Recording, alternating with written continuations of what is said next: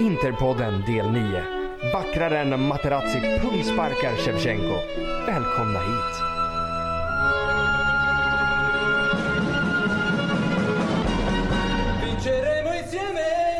Jajamensan, så där har Interpodden del 9 direkt efter Napoli-matchen, dagen innan Sampdoria-matchen. Vi kan ju konstatera att det går fan i mig bra nu. Nio matcher spelade, två kryss, resten vinster. Det är inte så mycket att tjafsa om. Men trots att det inte är någonting att tjafsa om så ska vi ju ändå vrida och vända på det här i en, en och en halv timme eller något sånt där så som vi brukar. Och med mig för att göra det så har jag presidenten för Interclub Svezia, Il Presidente Binan Latar! Åh jävlar, det är första gången jag får en introduktion tror jag. Och det är inte ens jag som har krävt den. Tack Campus. Jajamensan. Och på vår högra sida, the special one, vår egen Mourinho, Neven Segovic. Oj, oj, oj, oj, vilken presentation. Ja, men det är Ja, ja, ja. ny vecka, matcherna duggar tätt. Alltså man kan inte vara mer glad alltså. Precis. Och vi kan ju börja där att vi alla verkar vara ganska glada trots att vi faktiskt bara har spelat ett kryss och vi har ändå vant oss lite grann med, vid vinsterna nu. Men det är ju ändå en speciell typ av match vi har spelat där och Neven jag tänker att du kan få börja där, dina första initiala tankar om Napoli-matchen. Ja, vi satt ju förra veckan och diskuterade lite vi tre och um, då sa jag att uh, till och med en förlust skulle vara okej om vi presterar bra. Uh, nu tycker jag att vi presterar bra och kniper en poäng. Uh, kunde um, med lite flyt faktiskt kunnat gå iväg med tre så att jag är väldigt nöjd.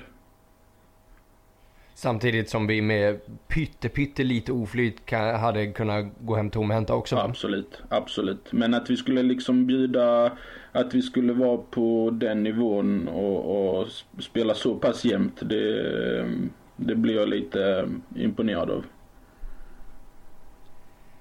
Jajamän, och eh, under, ursäkta mig, under förra avsnittet så, så hade ju jag och Binan här en hetsk debatt alla svensk politik rörande Nagatomo och jag stod där och matade på med motsatsen till superlativ och sa att oavsett om Dalbert är dålig så bör han spela istället för Nagatomo, att Nagatomo är en ärkesopa och så vidare.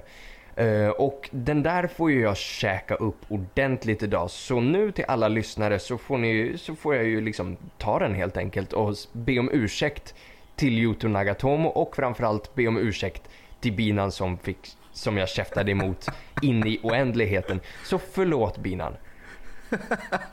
Ursäkten är godtagen och ingen är stoltare än mig över Nagatomos insats. Alltså vilken jävla häst. Vi måste ge honom den titeln. Det är en, det är en liten japansk häst. Jag vet inte ens om japaner har hästar men En nu ponny kanske. Men alltså det, det är det här jag menar och som jag har återkommit till. Han har fått mycket skit. Han har fått mycket skit av alla, till och med av mig. Liksom. Det är inte... Det, det skillnaden är, och det har jag sagt sedan avsnitt ett i den här podden, att vi måste bedöma hans insatser den här säsongen. Och den här säsongen har han faktiskt varit bra. Eh, han har inte varit bäst, men han har varit bättre eller visat mer än vad Dalbert har gjort. Så det är helt rätt att han fick starta och efter ett lyckat derby och som jag sa då så tyckte jag att Gazettans betyg var att det inte speglar hans insats. Jag tyckte att han var bra under derbyt också. Han var bra mot Roma, han var bra mot Fiorentina.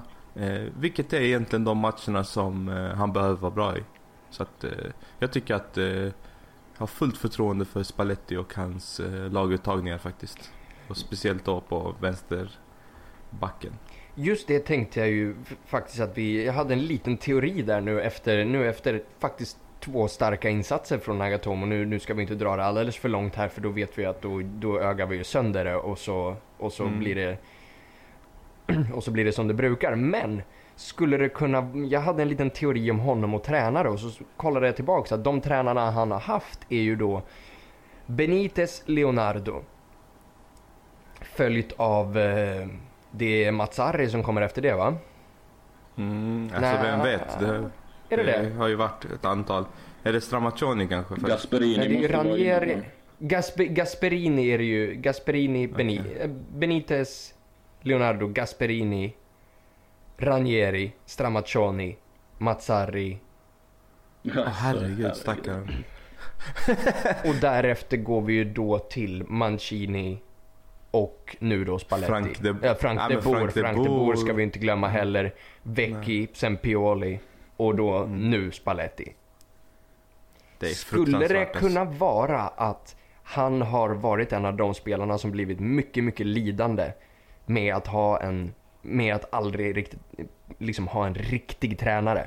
För vi vet ju även liksom, Juan Jesus var ju också crap hos oss. Men blommade ut under Spalletti och blev liksom, kanske inte bäst i världen, men en ac- acceptabel fotbollsspelare i alla fall. Skulle vi kunna se en liknande utveckling med till exempel Yuto Nagatomo och även Även Danilo D'Ambrosio som jag tyckte har varit, tycker har varit briljant både i, eh, både i derbyt och nu mot Napoli.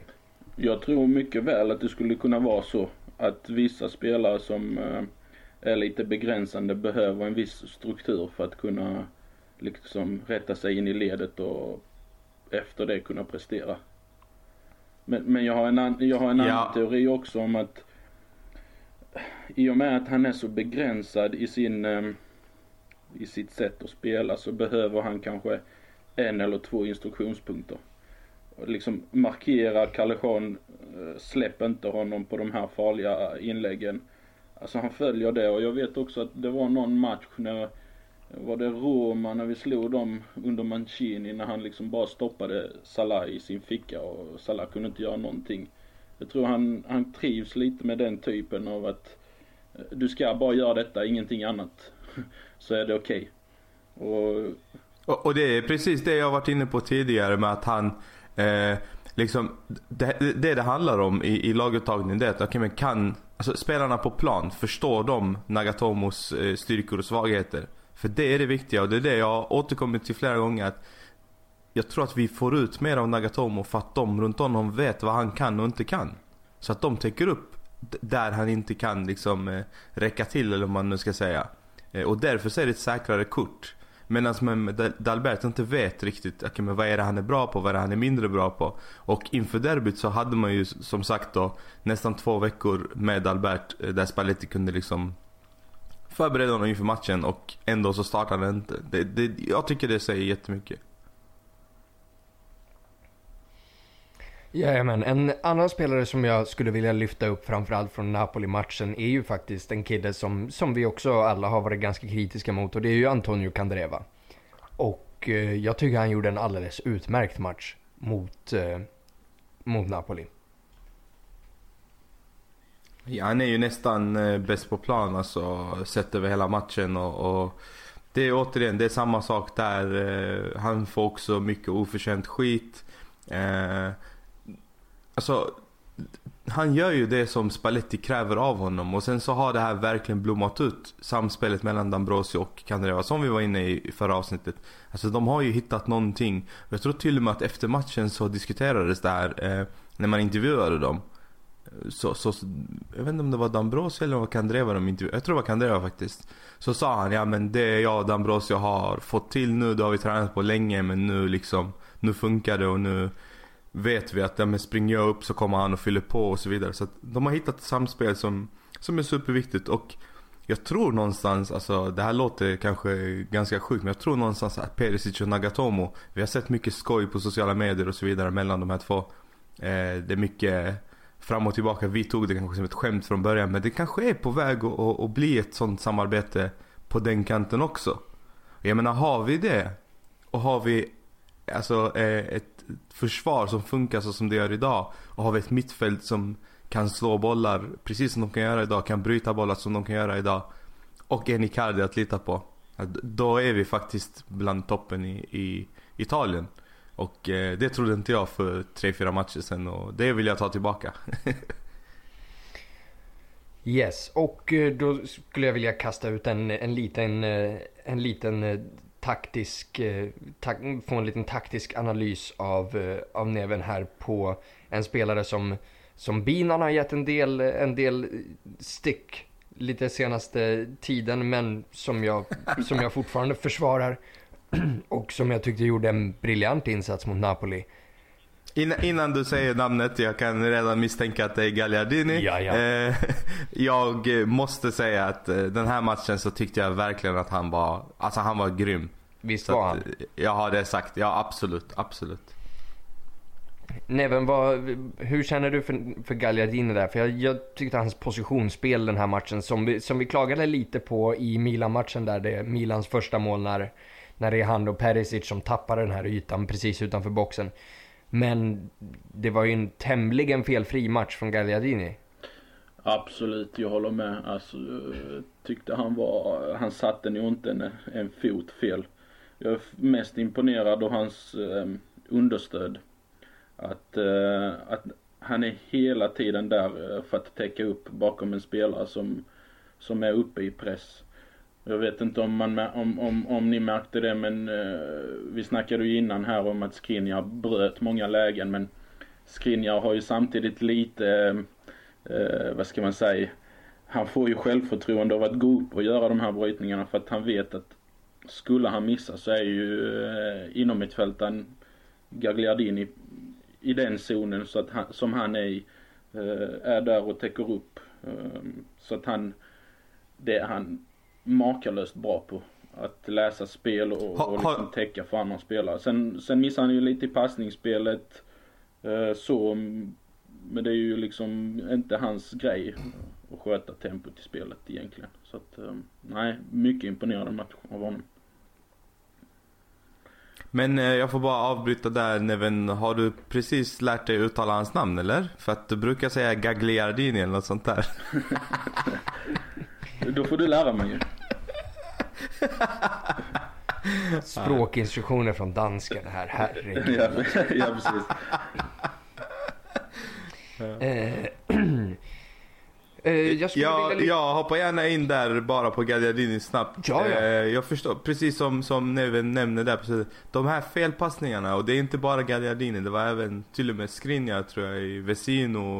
Eh, Det är många som gör ett par felpassar per match. Som eh, jag inte är van vid riktigt. Alltså, av någon konstig anledning så har det inte straffat oss. Jo det straffade oss i någon match men det har inte straffat oss så mycket som det skulle tycker jag. Håller ni med mig där? Jag håller med till en viss nivå. Men jag har ändå ett, ett överseende för de här felpassningarna. För felpassningarna, det har ju, all, det liksom, det har ju funnits på... Det har ju bara kommit som löpande band nu för oss liksom sen trippelåret ungefär. Men det som framförallt skiljer är ju att de felpassningarna som händer nu är svåra passningar. För vi ser ju, Skriniar dämmer ju minst 10 passningar lågt efter marken 30 meter rakt framåt per match. Samma sak kommer ju från, eh, från Gagliardini och, och Vesino. Och mm man får ändå, det där är ju liksom en felprocent som man någonstans får acceptera när man spelar så pass svåra passningar. För tidigare brukade vi slå bort de enklaste jävla passningarna i sidled när, när Palacio passar hem, passar hemåt och det blir till en perfekt assist eller Guarin inte klarar av att dra den fyra meter i sidled och så vidare. Så det, det, den här procenten av felpassningar måste ändå vara okej för sättet som vi spelar. Ja, alltså jag, jag kan hålla med men jag, jag höjer ett varningens finger till de här felpassningarna för jag tror att när de här börjar eh, eh, straffa oss, för jag menar när man ska möta oss och man har koll på det här, nu vet jag inte om någon tränare har haft riktigt koll på det, eh, men så kan man liksom verkligen utnyttja det tror jag. För att eh, det, där är ett, ett stort antal felpassningar per match. Sen så har vi eh, ganska liksom rutinerade spelare om man nu ska säga så att, så att eh, de löser det oftast. Eh, jag gillar jag är ju den som älskar när någon slår en felpassning och jobbar tillbaka och vinner tillbaka just den bollen. Det, det är där jag tror framförallt nyckeln sitter i Benan. Att eh, skillnaden med jämfört med innan är ju att vi slår bort en boll men direkt så är ju liksom mentaliteten och inställningen hos spelarna, okej nu ska vi komma på rätt sida. Och liksom eh, organisera oss och sätta försvarsspelet, vilket inte har varit fallet innan. Så där är ju ännu ett exempel på man ska ge Spalletti alltså cred för att eh, vi slår vi bort bollar men det blir ju inte lika farligt för att vi är liksom vi är på hugget, vi vill vinna tillbaks den, vi kommer rätt så att eh, det hinner inte bli den farligheten som det skulle kunna vara. Yes, jag har två punkter till på Napoli-matchen och den första som jag tänker lyfta är spelaren som jag, tycker, som jag personligen tycker är matchens lirare i den här matchen och Efter det så ska jag kasta ut ett uttalande här som jag gissar att ni inte kommer hålla med mig om. Och det är också hela syftet med att jag säger det, för vi vet att våra källare lyssnare gillar inte när vi bara sitter och dunkar varandra i ryggen hejvilt. Så, först ut, jag anser ju att matchens bästa spelare är Mattias Vesino. För det hästjobbet han gör på mitten och de löpningarna som han tar från, från djupt ner på egen planhalva Mm. och egentligen skapar lägen helt själv och i den här matchen så egentligen våran absolut bästa chans som Albiol rensar precis framför Borja Valero som när det, ja, skulle vi ha gjort mål så skulle det ha varit på den chansen. Och den tar ju han bara på, jag vill inte kalla det dribbla av hela laget. Han, han springer igenom, han matar ner dem.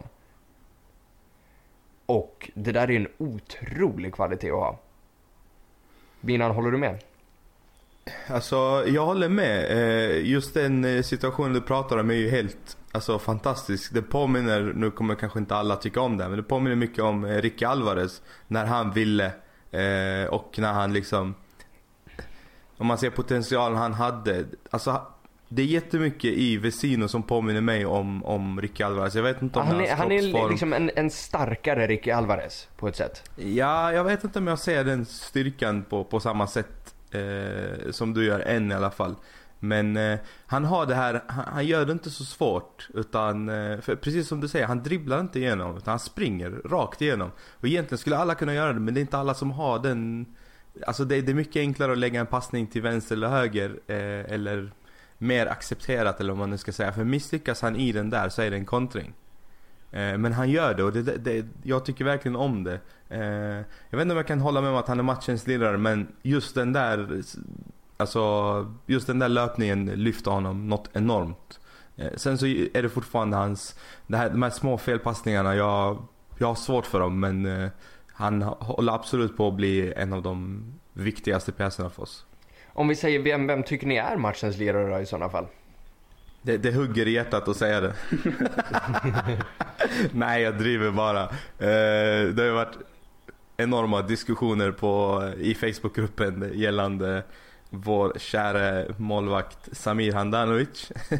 han gör en otrolig match och jag skulle ljuga om jag inte säger att jag tyckte att han var absolut bäst på plan. Eh, tillsammans med Skriniar faktiskt. Alltså det är en sån match som det är väldigt svårt att eh, välja någon. Uh, Handanovic är ju... Uh, ja, jag måste också hålla med om Handanovic liksom uh, avgörande räddningar som... ja, skillnaden mellan vinst och förlust, alltså så direkt. Men sen bidrog ju många till att uh, spelat upp sig ganska rejält. Och, Vesino kan jag hålla med om till en viss del. Jag, jag hyllade ju den värvningen redan från början och jag tycker att vi har fått en, honom för en billig peng. Och jag är övertygad om att han kommer växa ännu mer men jag tycker att eh, både Handanovic och Skriniar kanske gör en eh, lite, lite vassare match. Ja, för Vesino är inte gammal heller. Det är, man glömmer lätt det, men han är väl typ 25 eller något sånt där va? Ja, Mm, om han ens är det. 24-25, det bör nog stämma. Ja, 24 tror jag han är. Ja, då, då är det ju definitivt, definitivt de 28 miljonerna som vi, som vi la på honom är ju väl spenderade i sådana fall. Jag tror till och med det var kanske Vi billigare. hade ju kunnat lägga 28 miljoner på André Silva är, liksom. är det inte 12 och, Förlåt, 26 är ja, men är det, inte, är det inte 12 miljoner denna sommaren och 12 nästa? Det var något sånt väl? Jo, precis. Något sånt. Mm. Ja men det är Och sen någon bonus där. jättebra affär. Jättebra affär. Det, det är faktiskt svårt det där med vem som är matchens lirare för nu när jag tänker på det, alltså Kandreva var ju också alltså, helt avgörande. Och sen måste man säga så här, alltså för att någonting som jag fokuserade på under matchen och jag inte förstod riktigt, eh, det var Handanovics utsparkar. Det är ju 100% en taktik från Spalletti. Det är så han körde sönder Napoli misstänker jag. För att alltså han sköt ju inte upp en enda boll utan det var ju kortpassningsspel på egen planhalva som tröttade ut Napoli på något sätt. För att de var ju redan där uppe men och, och där skulle jag säga att, att eh, alltså han, han, det är en helt annan match vi spelar mot Napoli än vad vi har spelat resten av säsongen. Alltså en helt annan eh, matchplan och jag tror att vi fullföljer den till 100%. Det enda jag tror vi misslyckades med det är kontringarna. För vi har varit väldigt, väldigt bra på kontringarna. I den här matchen så så är det två, tre kontringar där vi ska spela upp bollen. Men det är någonting som tar stopp där. Jag vet inte om det är rädsla eller om det är respekt för motståndaren. Eller det är liksom eh, risken för att det här kommer slå tillbaka på oss. Det är någonting som gör att vi inte riktigt lyckas med kontring i spelet. Hade vi gjort det så hade vi vunnit matchen. Och det är där jag tycker att Spalletti har, alltså wow. För att där hade han verkligen, den matchen vann han över Sarri. Eh, när det kommer till taktik till 100%. Ja, för det här är väl den alltså, spelmässigt bästa matchen vi har lirat, även fast vi inte får, även fast vi inte tar tre poäng hem. Ja, och det är ingen av oss som känner igen det här spelet. Vi har inte sett det innan.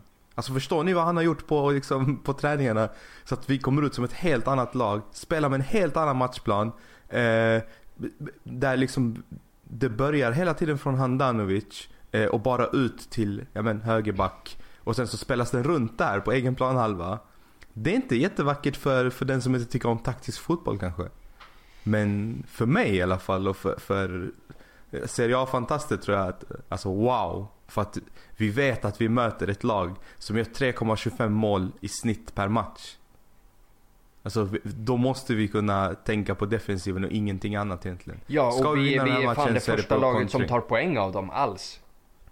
Med, med all rätt. För att vi spelade smart. Vi anpassade oss efter motståndaren. Håller du med mig där nu? Jag håller med dig och eh, jag blev mäkta imponerad att de verkligen försökte varje gång, gång efter gång att eh, det första du gör i det läget är ju att lyckas du så slår du ut två linjer i eh, Napoli, alltså både anfall och mittfält.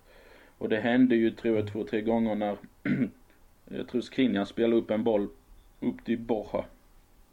Så kommer man fyra mot tre.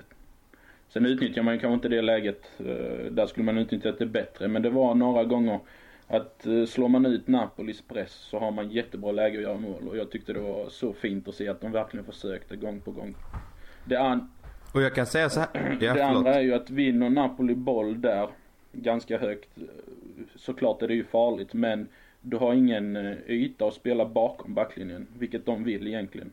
Alltså du har ingen, du har ingen mm. yta att lyfta in bollen bakom för att försvararna är redan där nere liksom. Så lågt ner. Så taktiskt sett så ut, alltså han plockar ju bort Sarri jättebra. Um, Sarri har ju egentligen bara ett sätt att se på sin fotboll och han har ju gjort det jävligt bra. Uh, de är ju helt fantastiska men som sagt, de, de skapar ju inte alltså vad de är vana vid att skapa. Vilket är ett plus för Spalletti då. Jag bestämmer mig för att man of the match enligt mig är Luciano Spalletti. det kan vi nog alla skriva under på. Och då kan vi gå in på egentligen den sista punkten som jag har på, på Napoli-matchen här.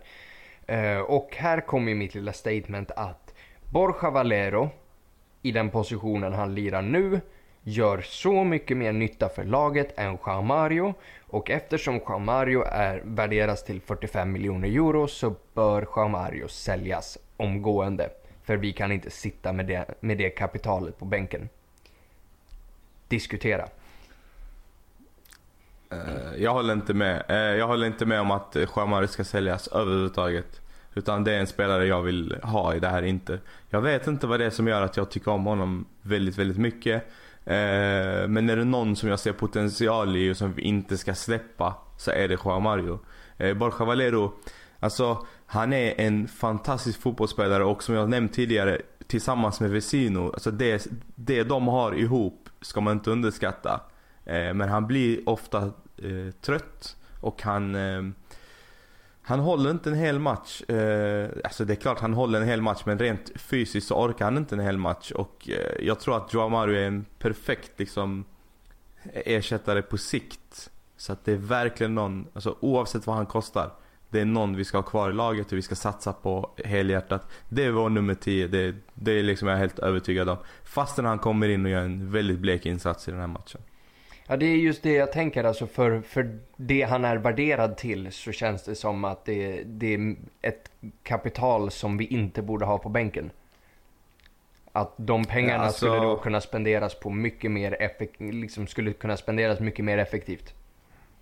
Eh, Jag ser det inte Typ så. som Milan har gjort. Jag, Pa! ja precis. Nej jag, jag, när det kommer till ekonomi och summor och vad spelare värderas till och så vidare så jag tycker inte att det finns någon logik överhuvudtaget längre så att eh, jag vet inte. Om, han, om vi säljer Joao Mario 45 miljoner euro så kan vi i bästa fall plocka in en, eh, ja jag vet inte ens vem jag ska jämföra med men ingenting i hans närhet av när det kommer till den campione han är. Jag gissar att vi kommer komma in lite, grann, lite mer på det när vi kommer till frågorna sen. För frågorna, det, vi har fått jättemånga bra frågor idag så vi kommer fokusera ganska mycket tid på det. Men innan det så tänker jag att vi går in på matchen imorgon, alltså Sampdoria. Eh, Sampdoria ligger sexa, har gjort en bra säsong så här långt. Eh, hyfsat samma lag som det var förra året egentligen med ett par nyförvärv då bland annat i Gianluca Caprari som gick i utbyte från oss till Sampdoria för, eh, för Skriniar då. Vi fick observera den. Vi fick Milan Skriniar för 8 miljoner och Gianluca Caprari. Den, det där är ju en värvning som, eh, som håller Fasone och Mirabelli i Milan uppe på nätterna i ångest. Och det gillar vi såklart. Um, I övrigt så har de plockat in Duvan Zapata förra året i, eh, i Udinese. Utöver det så är det ganska standard, standardtrupp Gaston Ramirez också som har lirat, eh, som har lirat åtta matcher för, eh, för Sampdoria. Spelade förut i Bologna innan Southampton och så vidare.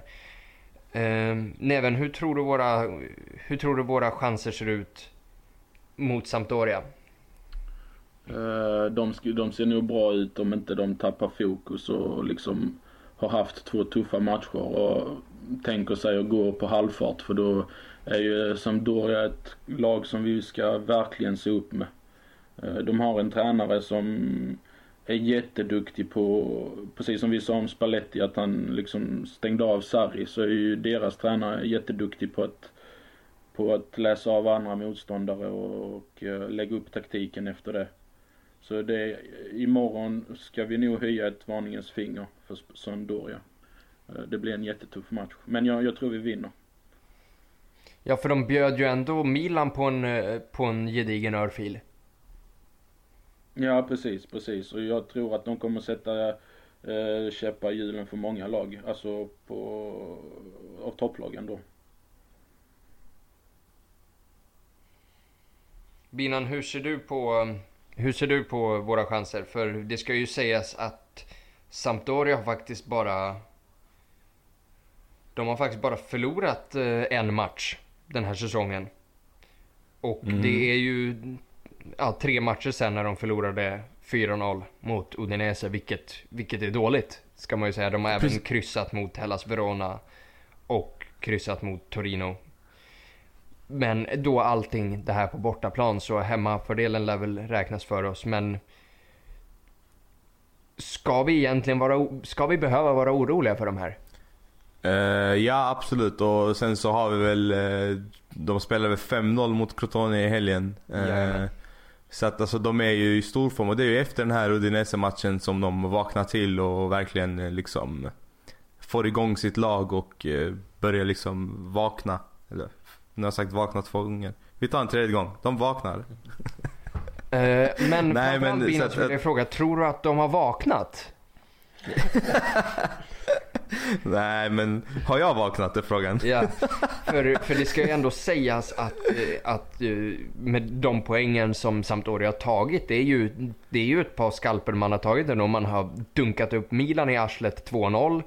Man eh, slog, innan Crotone 5-0 så slog man också Atalanta som, som ändå lirar, lirar Europa League och grejer. Så De, de är i- i form eh, utan tvekan och eh, det är vi också skulle jag säga. Så att det, det, det blir en rolig match och det är kul att det är matcher så tätt in på varandra. Jag längtar till imorgon. Jag, ibland så tycker man så här, ah shit, vi, det är jobbigt med många matcher och vi måste tänka på om någon skadar sig. Bara, Fuck det, ge mig match ja, efter ja, det match. är bara kul. Ge dem två dagar vila, sätt dem på eh, något jävla läge där de får sova ihop och liksom bygga mer på den här lagandan som de har skapat. Eh, låt Perisic och Nagatomo dela rum och sen så kör vi. Jajamän.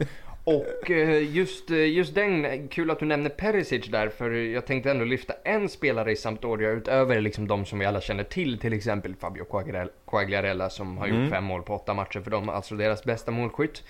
Men Mm. i matchen mot Milan, Sampdorias högerback som jag inte hade haft någon koll på innan, men han heter Berezinski, en polack Mm. som, eh, som har spelat sex av de här åtta matcherna som har gått.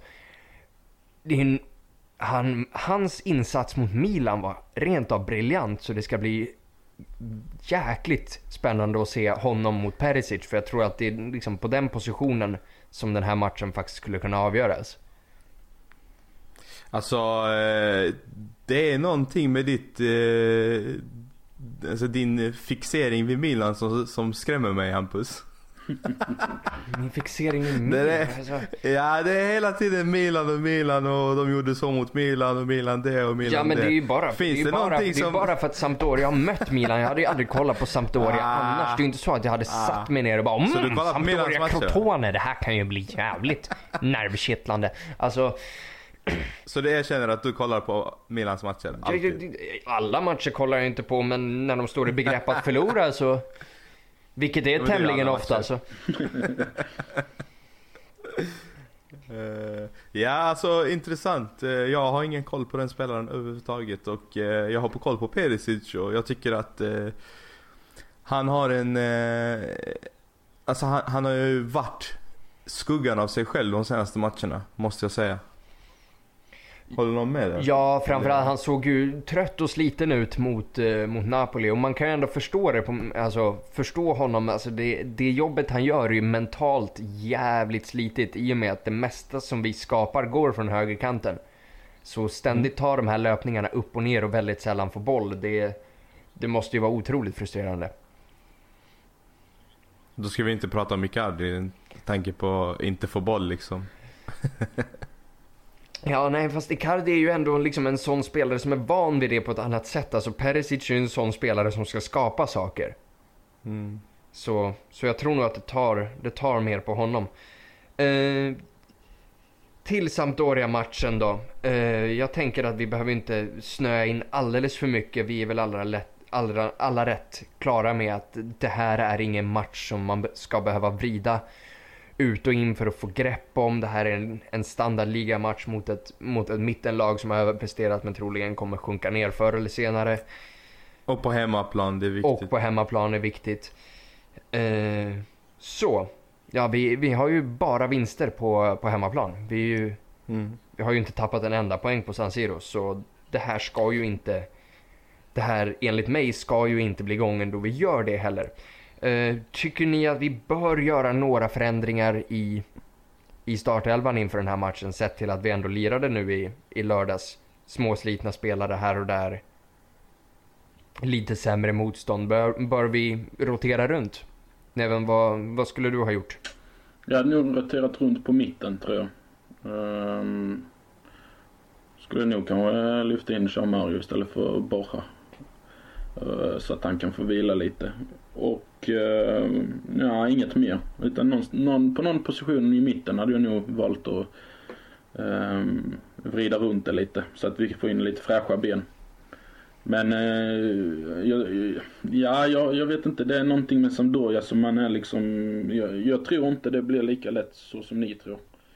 Eh, de känns. Nej, lätt, nej, lätt tror, tror jag ju definitivt inte, men eh, som sagt ett bättre lag än vad, än vad många ger dem cred för, men de är fortfarande inte på vår nivå och oavsett hur bra de är så ska vi vinna ändå. Ja, så är det ju. Och ska vi liksom befästa att vi är ett topplag och vi ska ut till Champions League och vi har hemmaplan. Så är det ju en vinst som gäller. Det är inget snack om saken. Eh, sen är jag fan orolig för den uh, Quagliarella. Alltså han gör alltid mål mot oss känns det som. Och det är alltid såna här drömmål. Eh, så honom får man se upp med. Sen har han gjort några mål denna säsongen också så att eh, jag hoppas nästa skuldertackling från Skriniar sitter på honom så att han får liksom backa bort från målet. Ja, eh, det- det är Binan- en. Binan, hade du, hade Quagliarella du i mål. roterat runt någonting? Ja absolut och jag var inne på exakt samma sak. Vad tråkigt det blir att vi håller med varandra men jag var inne på samma sak. Valero behöver vila. Eh, Han såg väldigt trött ut mot, eh, mot eh, Napoli. Han, han har sett trött ut de flesta matcherna om jag ska vara helt ärlig. Så att, eh, och Joao Mario behöver eh, få upp sitt självförtroende och eh, han behöver visa varför han förtjänar en plats i laget. Så att absolut så hade jag lyft in honom. Sen skulle jag säga så här. Eh, någonstans i mig så skulle jag vilja se Dalbert den här matchen. Ooh, Eh, bara nu så. Ja, Yay. ja. Jag, jag skulle vilja se han för att se vad han kan och för att liksom man ska kunna jämföra med Nagatomo och så vidare. Samtidigt så tror jag att det finns någonting bra på gång med Nagatomo och Perisic, precis som jag var inne på tidigare.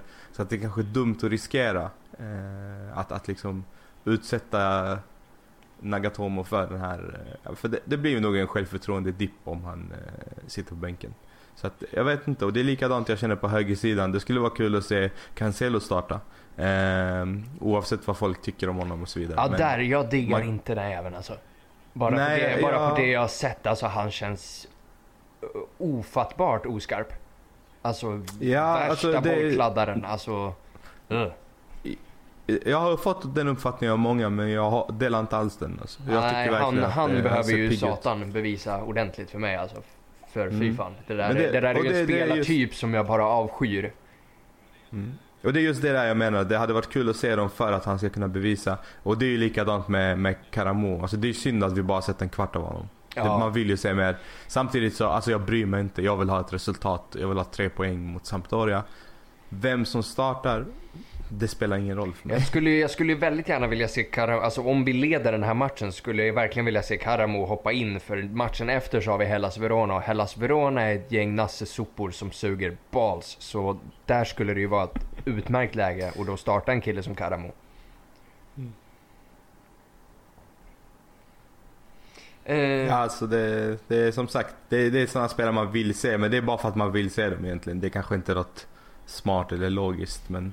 Fast vi man får ju se ändå ge Karamo att det inhoppet han gjorde mot, vad var det, mot Genoa var det? Mm, Genoa. Där, det, det var ju ett bra inhopp alltså. Man kan ju inte ta det Absolut. ifrån honom. Absolut. Jag tänkte att vi innan eh, vi hoppar in på frågorna eller eh, vad du hade tänkt så kanske vi ska bara klippa snabbt eh, spela betygen från Gazettan. Ja men visst och sen ska vi ju givetvis tippa lite, tippa lite resultat. Ja, precis. Eh, Inter får en sjua eh, mot Napoli 6,5. Eh, jag kommer inte dra Napoli spelarbetyg för att eh, Skriniar förstörde alla deras betyg. Men eh, vi kan ta tränaren i alla fall. Sarri får en sexa mot Spallettis 7,5. Eh, som jag tycker är Mm. väldigt, väldigt bra. Där tycker jag att de har varit vakna och förstått liksom att, att ja, han vann den taktiska biten utan tvekan. Jag tror att Sarri gick ut och sa efter matchen att Spalletti för mig är den nya försvarsministern i landet. Vilket var ganska kul. Kreativt. Eh, eh, jag kan eh, slänga in där också att i mm, intervjun som Spalletti gav efter matchen. När de ska intervjua honom så håller han upp, äh, men innan vi börjar intervjun så vill jag så håller han upp en lapp så står det så här, så säger han det här är viktigare än fotboll. Eh, smsa det här numret och ge pengar till Rädda Barnen liksom. Det vill jag börja med innan vi fortsätter med intervjun. Det tycker jag var jätte, jättefint och verkligen, alltså han, han höjs hos mig något otroligt. Ja, ja.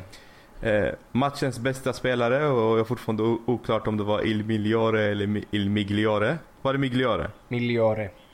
Migliore. Det där G- ja. Någon dag kommer det sitta. uttalas, uttalas GLI. Gagliardini. Il Migliore. Gagliardini. Ja, det, Det det, borde jag det, är ett hemskt, det, är ett, det är ett hemskt sätt att säga det där. Det är, jag, jag själv har skitsvårt för det. Il Migliore Samir Handanovic, Elvis pojkvän. Eh, eller bästa kompis eller vad han är för någonting. eh, han får en åtta. Eh, Il Peggiore blir eh, Joao Mario som får 5,5. Vet inte om jag kan hålla med riktigt eh, med tanke på att han, han gör ett inhopp. Jag vet fan hur man kan vara sämst på plan då. Det, jag köper inte det men det är okej. Eh, D'Ambrosio får en sjua. Helt rätt. Miranda får en, ja, Miranda får en sexa. Eh, Skriniar får en sjua. Jag har en sekvens i matchen som jag kommer ihåg att han inte hänger med i, i eh, fart. Minns ni det? Mm. Att han verkligen kämpar och ser riktigt jävla seg ut. Eh, och sen så bara, alltså de här tacklingarna han gör, det, det är helt, alltså det är sjukt. För att man har inte sett det här, alltså på länge. Alltså i, i all ärlighet, Skriniar ska ju ha mer än en sjua. faktiskt för den insatsen han gör. Jag tycker Alltså, också vi möter, Möjligt, men jag vi, tror vi att- möter det målfarligaste laget i ligan. Han plockar bort Mm. deras två bästa spelare nästintill själv. Alltså han förtjänar mer än en sjua, de gör inte mål. Första matchen de Mm. inte har gjort mål. Ja, det, det kan man faktiskt eh, tycka. Jag vet inte riktigt. Jag, det, det är de här sakerna som gör att han... Det är lite felpassningar och sen så är det att han inte riktigt... Eh, alltså farten är inte riktigt där men han, han reparerade ju igenom de här tacklingarna så att eh, jag tycker sju, det är lagom. Det är ett bra betyg. Sju, sju ska man säga också, det är ganska högt i gazetten. Eh, vår käre Nagatomo eh, får 6,5. Jag tycker han skulle haft en sjua faktiskt. Jag tycker att han eh, knappt gjorde något misstag matchen igenom. Ja, faktiskt Och, eh, alltså. Det, det tycker jag väl. Man får ju alltså lite, lite piska och morot får det ändå vara liksom. Mm. För honom framförallt så Mm. kanske det hade hjälpt mycket men ja, det spelar väl ingen roll. Vesino får en sjua. Bra betyg, eh, rättvist. Eh, Gagliardini 6,5. Kandreva 7,5 så han får ett väldigt, väldigt högt betyg. Eh, med all rätt.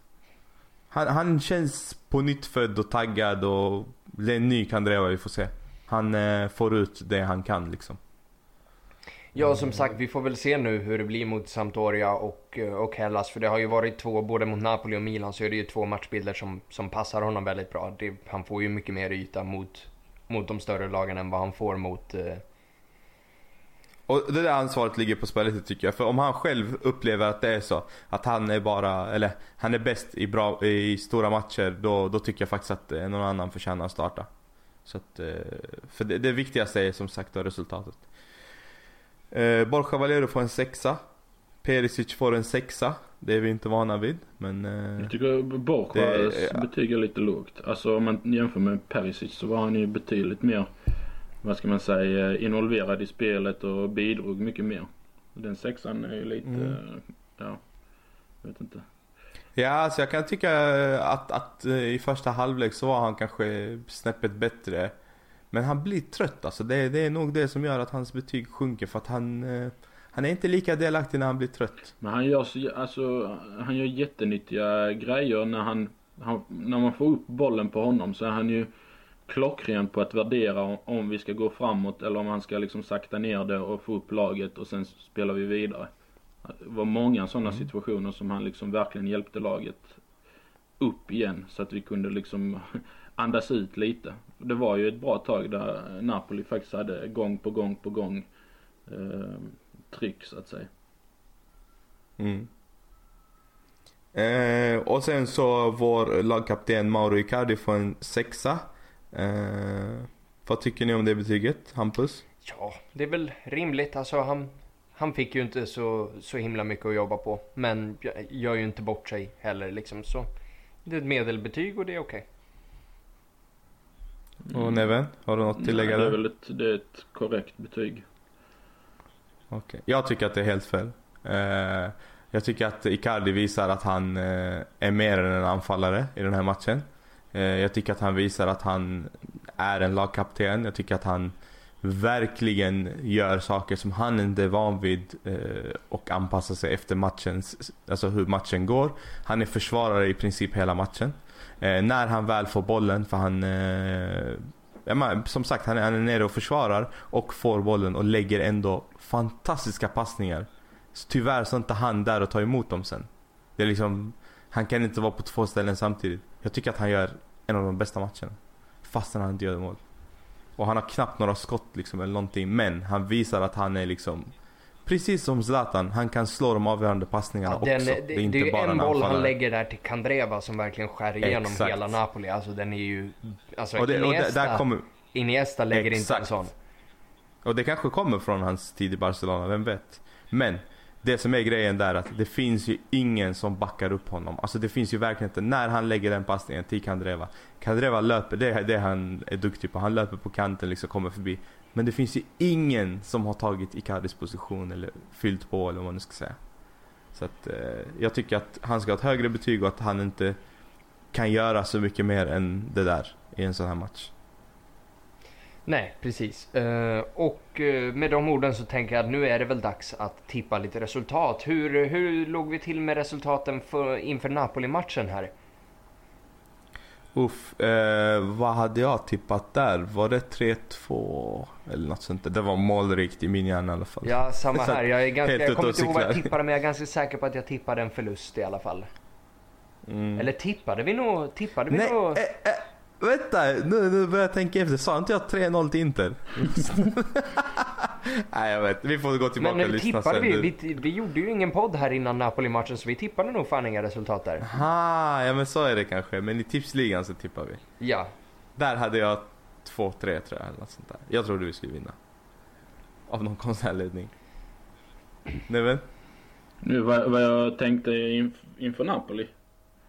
Ja. Eh, jag minns inte, jag tror jag 2-1 till dem. Mhm. Tror jag, var. jag trodde också på att det skulle Jaha. bli lite mål men uh, mm. Eh, ja, men hur som helst, det är ju framåt som gäller. Så nej, men du kan ju få börja där också. Uh, resultatet mot Sampdoria-matchen. Jag tror att vi vinner med 2-0. Jag tror att, eh, jag tror att Icardi gör båda. Jag tror att vi, jag tror att vi gör ett tidigt mål faktiskt. Och så, Åh fan. mm, för en gångs skull. Eh, Ett tidigt mål och sen ett sent mål när, eh, på en kontring. Så 2-0 tippar jag på. Ja. Binan. Mm. Eh, alltså jag kan ju garantera att vi släpper in ett mål av Quagliarella. Så han gör ju ett mål. Eh, och sen tror jag att vi gör tre fram. Eh, varav eh, Icardi står för ett, Perisic står för ett och Nagatomo står för ett. Det är fan dags. Mm. Du då Hampus? Ja, då ska jag släppa luften ur ballongen här tänkte jag. Eh, jag tror på ett 1-1 resultat. För eh, någon gång måste den här lilla dippen komma och alltså om vi räknar ett kryss mot Napoli, det är ju inte motgång, det är ju, det är ju snarare en bedrift. Men någon gång måste vi åka på den här första motgången och då är det idag. Eller idag är det ju inte, men imorgon. Ehm, så jag säger 1-1 mål av eh, Duvan Zapata för dem. Och för oss så tror jag väl att, att Perisic räddar en poäng där framåt slutet. På, på en retur eller något sånt där när vi trycker på för, för att försöka rädda upp ett resultat. Men jag tror inte att vi kommer räcka för, för en vinst. Du är fan taskig. Ja, men eh, som sagt, hellre bli positivt överraskad än besviken. Så. Och med de cyniska små orden så går vi in i frågorna och vi har ju vi, till att börja med till alla som, eh, till alla som lyssnar så tack så jättemycket för de här dunderfina frågorna. Alltså det är många och de är bra och genomtänkta de allra flesta av dem. Så jag tänker att vi börjar rakt av och så svarar vi lite hejvilt att den som känner för att svara kan bara dyka in och hugga. Ehm. Så, inledningsvis. Yasir Al-Abbas frågar, tycker ni att vi behöver göra ändringar i uppställningen mot Sampdoria? Ifall, I så fall vilka spelare ska in och ut? Nu har vi ju redan besvarat det här lite grann på ett sätt. Men eh, som sagt, jag argumenterade ju där att Dalbert skulle in i alla fall. Mm. Men vi kan, eh, de som vi redan har besvarat kan vi hoppa över eftersom att vi har så Ja, många ja. idag. tycker jag. Eh, under det så har vi Eldin Sacirovic som frågar vad kan Berardi tillföra Inter? Och mitt svar på det är ingenting. Uh, vad tycker ni? Alltså jag är inte jättekunnig när det kommer till Berardi faktiskt. Jag skulle ha svårt att uttala mig om vad han kan tillföra. Så att eh, jag passar gärna den frågan till någon som har koll på honom. Eh, jag tror nog han skulle kunna tillföra en del men sen eh, det stora frågetecknet är ju kring hans skadehistorik. Känns som han är borta mer än vad han spelar. Så att eh, jag vet inte, jag är lite kluven men själva kvaliteten på spelarna är ju det är inga tvivel om att han skulle nog kunna vara en sån spelare som äh, hjälper ännu mer i målproduktionen än vad Kandreva är på den kanten så att säga. Genom att kliva in i banan, kunna avsluta och så vidare och så vidare. Sen är han ju uttalad Absolut, min, min, min första, min tanke där på honom är ju att liksom att han, han aldrig riktigt blommade ut från den här jättelovande 18-åringen som gav, som sänkte Milan med ett hattrick. Men eh, Nu har vi Milan där igen. Ja men herregud alltså. Och till det här hör ju då att man, det vore ju romantiskt att se Berardi i Inter i och med att han är en så stenhård interista som han är. Men För att om han det ska här sänka är Milan, liksom, om eller? det, alltså en rotationsspelare och ha med oss nästa säsong i Champions League. Absolut, en jättebra spelare att ha då, men någonting som, som markant höjer oss nu, ja det tror jag väl inte. Alltså han är ju egentligen eh, kvalitetsmässigt så är han ju skarpare än till exempel Bernadeschi. Men han kommer ju eh, väldigt stort frågetecken om han någonsin kommer liksom fylla ut den potentialen i och med att han är, ja, han är borta mer än vad han spelar. Så det, hans nivå kanske redan är nådd. Och då, ja, frågan är om man ska vara i en sån lag som Inter då. Och sen har han väl, eh, ja, de vill inte sälja honom till Inter väl? Är det inte så också? Ja precis och alltså prislappen de har satt är ju någon 40 miljoner euro och det, det är ju för mycket alltså. Ja, som sagt prislapparna har jag inget till övers för. Jag tycker att alla är felvärderade så att... Eh, Sinar Korsad frågar Hur mäter sig Serie A till skillnad från andra ligor idag? Och den är ju jävligt intressant och jag har ju min lilla, min lilla teori där men någon annan kan jättegärna få börja. Ja, alltså jag kan jättegärna börja där. Jag...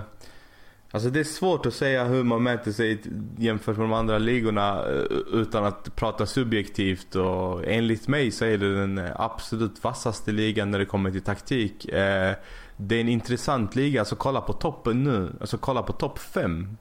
Alla har samma poäng i princip.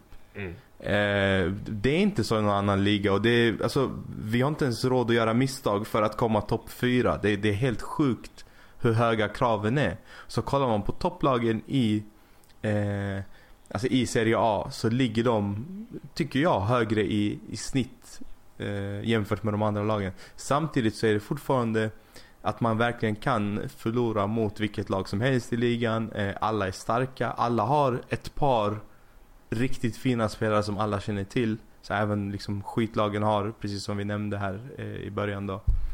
Så att eh, det är svårt att säga utan, utan att utgå från ens egna eh, känslor och tankar. Men jag skulle säga att det är absolut bland topp, alltså jag skulle säga att det är kanske topp två. Jag vet inte, jag håller nog eh, eh, La Liga som närmst.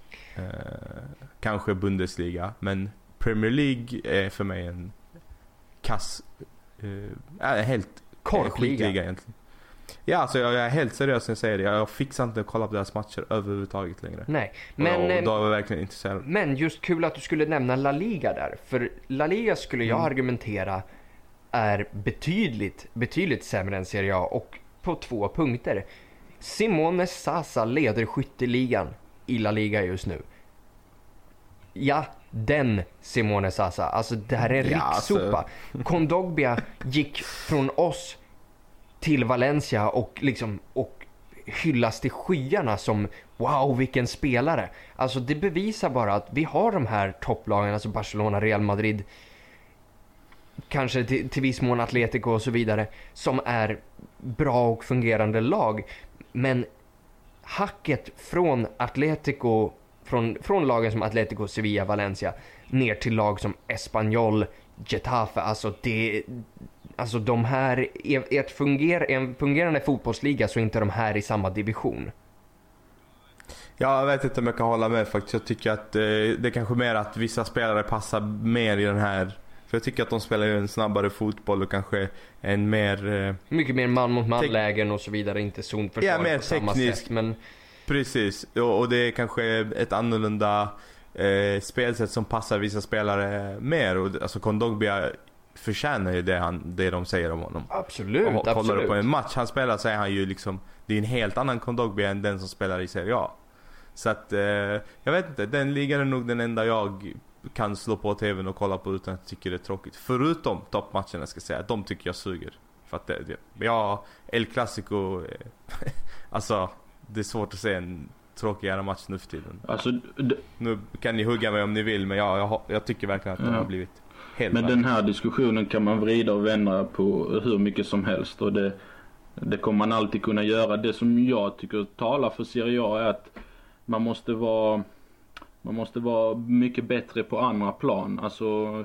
scouting och satsa på spelare som eh, kanske inte man har råd att värva som i till exempel Premier League. De, det känns som att de har mycket lättare att få ihop ett bra lag och eh, få ihop ett kon konkurrenskraftigt lag.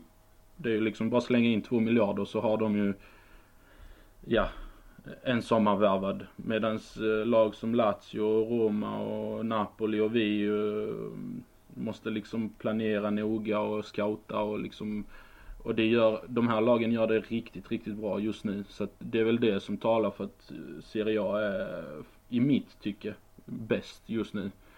Framförallt för att det är så jämnt också liksom. Man slåss om fyra platser och ingen har råd att tappa poäng någonstans. Och, um, det börjar gå tillbaks till det när Italien var som bäst med sju lag som verkligen liksom, ja, konkurrerade med varandra.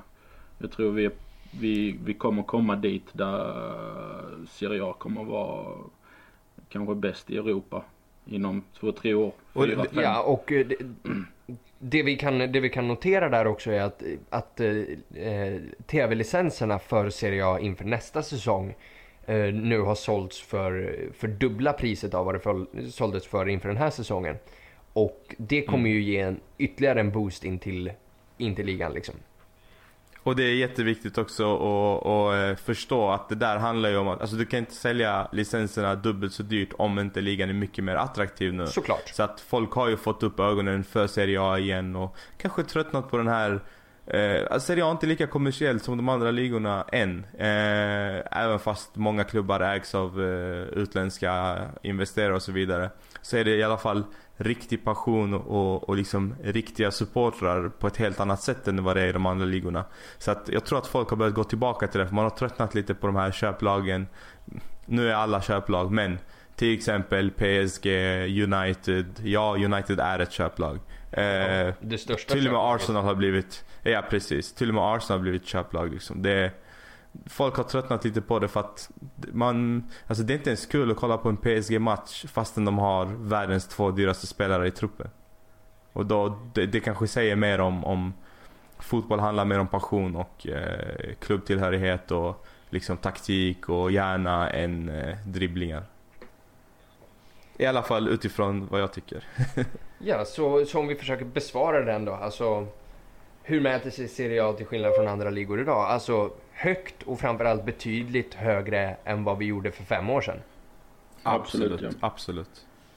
Eh, nästa fråga från Abbe Interista som jag tror också är hans riktiga namn om han har ringt Skatteverket. Eh, tycker ni att det är dags för Inter att flytta upp eh, Odgard från Primaveran?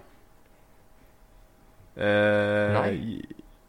Odgard är ju samma snubbe som jag i första avsnittet trodde var en back. Ja, nej men ja, precis.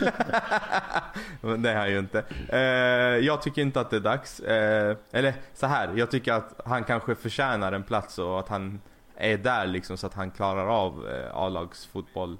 Men eh, vad, vad, ska han göra där? Alltså ska han sitta på bänken lika mycket som Pinamonti och vara ett fjärde alternativ när vi spelar med en anfallare? Jag ser inte vad, vad det skulle tillföra. Mer än att kanske han får bättre träningar. Ja, och det ska ju noteras också, alltså för er som, för er som inte liksom har så jättekoll på primaveran, att det är ett otroligt stort steg. Alltså att du hänger, att du bombar in en jävla massa mål i primaveran betyder faktiskt ingenting när det kommer till att ta det där steget upp. Och det har vi sett prov på många gånger. Alltså Bonazzoli hängde en hel del mål. Longo, Samuele Longo som nu lirar i någon så här spansk andra division eller något som vi fortfarande äger by the way. Uh, det, han var ju också alldeles briljant i primaveran. Alltså så tyvärr alltså det är bara för att du sänker nu är vi tillbaka på Milan här. Bara för att du sänker Milan mm. med ett hattrick i Primavera-derbyt betyder inte att du står i begrepp att göra det i det riktiga derbyt när det, när det gäller. De körde väl Uefa Youth League också nu i veckan och där var väl han och Pinamonti va som Ja precis, som vi möter Dynamo Kiev. Ja, eh, jag ska säga så här, det är någonting, jag, jag har inte jättekoll på Primavera men det är någonting med Odgard som gör att jag får en dålig vibe av, av hans personlighet. Han är dansk. han är en, Ja men det kan, alltså det är någonting som av de matcherna jag har sett och, och hans målfiranden och allt det här. Det känns som att han är lite för stor stjärna i sin egen hjärna än vad han verkligen är. Det blir nästan en raptext där. Ja, men ja. Eh, så att det skrämmer mig. Där, och, och helt tvärtom eh, Pinamonti då som inte ens har förstått hur bra han är själv. Samtidigt som han liksom lägger upp en bild på Icardi efter derbyt och eh, skriver på sitt Instagram då eh, ja, se och lär liksom. Jag ska kolla på honom och lära mig. Och, alltså det där är den, den typen av spelare som jag eh, dör för helt ärligt. Han förstår vad han ska Alltså han förstår att han inte är någon stjärna och han måste kolla på den stora stjärnan Icardi för att bli som honom. Eh, han har en idol i Icardi i laget. Det är otroligt. Jag skulle vilja se Pinamonti eh, växa in i laget. Eh, ja, och eh, vi har ju faktiskt en fråga här som relaterar lite grann, eh, lite grann till, till mycket av vad vi pratar om just nu. Och det är Mergim Subi som, som ber oss att prata om Dalbert Vesino Brozovic skadar Ramirez till Inter i januari och då mm, Ödgard Pinamonti. Och om vi börjar där då med, med Pinamonti, liksom, hans situation. För det finns många frågor här om, om Ramirez som det ryktas Mm. om i januari och så vidare. Jag tycker det är kul att vi får mycket Primavera-frågor helt Jajamän. plötsligt. Eh, det, det betyder att vi, vi har någonting väldigt bra på gång i Primaveran. Ja, så, vi så om vi hela tiden. börjar där, eh, för, för under har vi också eh, George Marina som, som ber oss prata om Primaveran och liksom vilka spelare vi ska hålla koll på, vilka som då ska få chansen. Eh, Och det här har vi pratat om innan också, men vi kan gå igenom det igen. Det kanske är någonting som har förändrats. Men vi börjar med Pinamonti där, för han är ju definitivt den spelaren som man ska ha mest koll på. Och som, som faktiskt har, har fått debutera i Serie A och så vidare. Hur, Mm. Neven, hur ser, du, hur ser du på Pinamontis framtida chanser? Alltså det är en svår säsong att få chans, tror jag. I och med att det handlar så mångt och mycket om att eh, eh, komma till Champions League och de andra lagen presterar så vi får inte halka efter. Eh, det är därför jag har suttit och hoppats att fler matcher skulle vara avgjorda, alltså lite mer än vad de har varit så att han kommer in för eh, om man jämför med de spelarna du nämnde Hampus så ligger han ju kanske lite snäppet över dem. Sen får man ju tänka på att, eh, precis som du är inne på, att komma från primaveran upp till ett A-lag i Italien är ju sjukt svårt. Framförallt för att det är så mycket taktiskt och det är liksom eh, fler grejer att förhålla sig till än att bara vara en stor talang. Eh, som det är kanske i vissa andra länder. Um, så att um, jag tror ändå hans chanser är hyfsat goda. Jag ser oss kunna växa mer under denna säsongen och Eh, att han under vårsäsongen ska få chansen. Ja, jag tänkte jag kan eh, besvara, besvara frågan under där om, liksom, om vilka Primavera-spelare som man ska hålla ett öga på. Det är ju framför allt då Pinamonti som vi ska hålla koll på. Sen eh, utöver det i Primaveran så har vi också en, en belgisk mittfältare som heter Sian Emmers. Som, eh, som, har gjort, som gjorde ett otroligt mål för, för någon månad sedan. Alltså youtuba det, ni kommer hitta det. Jag ska se om jag kanske kan länka det i gruppen också. Det, är- det är ett helt fantastiskt mål. Um, sen har vi också en, en eh, förvånande nog en irländsk mittback där som heter Nolan som, som alltså självklart är en Primavera-spelare, man kan ju inte dra alldeles för stora växlar, men som ser, som ser lovande ut. Ehm, även så har vi ju en eh, kille som lirade i Primaveran förra året och eh, vad heter det, även var, jag vet inte om han var lagkapten eller vice lagkapten, jag har sett honom med binden ett par gånger i alla fall. Eh, som heter Fabio Della Giovanna som just nu är på, på, är på lån i Spall. Eh, vet inte heller om han har fått spela någonting i Spall men såg mycket vass ut förra året så det där är också någon att hålla koll på. Jag vet inte hur mycket Ja, Primavera ni andra kollar och liksom någon, om ni har Nej, någon ni borde lyfta. Ja, det är ju Zinho van Huysten som du missade där kanske, men han Ja, är precis. också uppe i A-laget. Ja. Eh, och, och eh, det var någonting mer jag skulle lägga till där, Pinamonti. Ja just det, eh, alltså chanserna till Serie A-spel. Jag, jag ser inte att de är så goda som, eh, som eh, du tycker Neven. För att där har vi problemet med att när Icardi inte spelar då är det ju Eder. Eh, ja, och det här nämnde jag tidigt, eh, jag tror i de första avsnitten.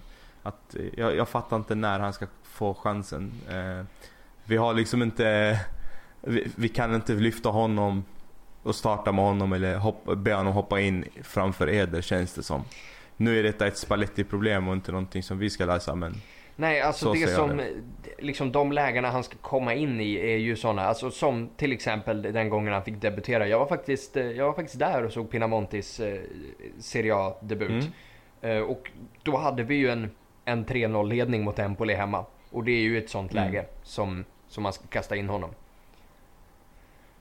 Ja, jag hoppas verkligen att vi får se någonting av honom och det känns ju som att han är överallt just nu och han... Eh, det är liksom eh, eh P16, 17 eller vad det nu är landslag, P19 landslaget kanske det är. Eh, och sen så är det Primaveran, han hinner ju inte spela med dem så ofta, han är alltid uttagen i, i, Serie A-trupperna också. Och det är väl hans andra säsong i, i A-laget om man nu ska säga så. Ja precis, Så han att, blev ju eh, bumpad upp i A-laget under förra säsongen. Under Ja. vår, vårhalvåret. Mm. Eh, ja, Eh, ska vi ta Ramirez till Inter i januari lite snabbt där också? Eh, precis. Det är det ju många som har frågat om där. Eh, vad vi tror att, Mm. liksom om vi tror att det händer och vad han i sådana fall kan tillföra. Eh, och eh, jag har sagt nej så många gånger nu, så någon annan kan ju få börja. Jag måste säga att jag är dålig på hela storyn och spelaren. Jag har inte riktigt koll för att kunna, ja, kunna Ja, kommentera det är ju den bras- brasilianska mittfältaren, vi kan ju, ifall någon undrar vem fan vi pratar om så är det ju inte, Gast, så är det inte. Gaston Ramirez från, eh, från Sampdoria då, utan liksom Chelseas brasilianska mittfältare som flyttade till Kina för två år sedan, spelade då i, Aha. i Jiangsu Suning som, vi också... eh, ägda av, eh, jaha okej. exakt, Mm, mm, exakt. mm, jag med. Och... eh, Ja, ja, alltså jag ser den eh, som väldigt realistisk. Eh, logisk, enkel att genomföra affären. Det är samma ägare liksom. Eh, jag tycker att det är en väldigt duktig fotbollsspelare. Jag vet inte riktigt eh, om han kan göra någonting eller om vi behöver honom. Men eh, som backup eller Alltså han kan nog utmana om, om en plats eh, med Vesino till exempel. Han är väldigt, väldigt eh, duktig. Sen vet jag inte vad två trötta år i Kina gör med Ja, det är ju just den grejen jag, oroar mig över och samma grej då med den här eh, Alex Teixeira som det har snackats om basically sen kineserna tog över, alltså som spelade, Mm. Jag som spelade i Shakhtar och var duktig skillnad. men Ja. Men det där är, jag tycker att det är två liksom jättestor skillnad mellan de två spelarna. För Ramirez är en, alltså en grym fotbollsspelare.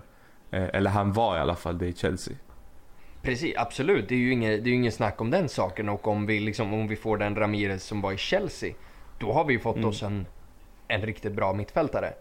Men Precis. Vi vet ju fortfarande inte liksom hur, hur han har tacklat två år i Kina. Och i all ärlighet så, just den positionen är nog den vi behöver minst. Så om vi ska lägga prioriteringar på, på spelarlöner och så vidare så skulle jag ju nog inte satsa på en sån position.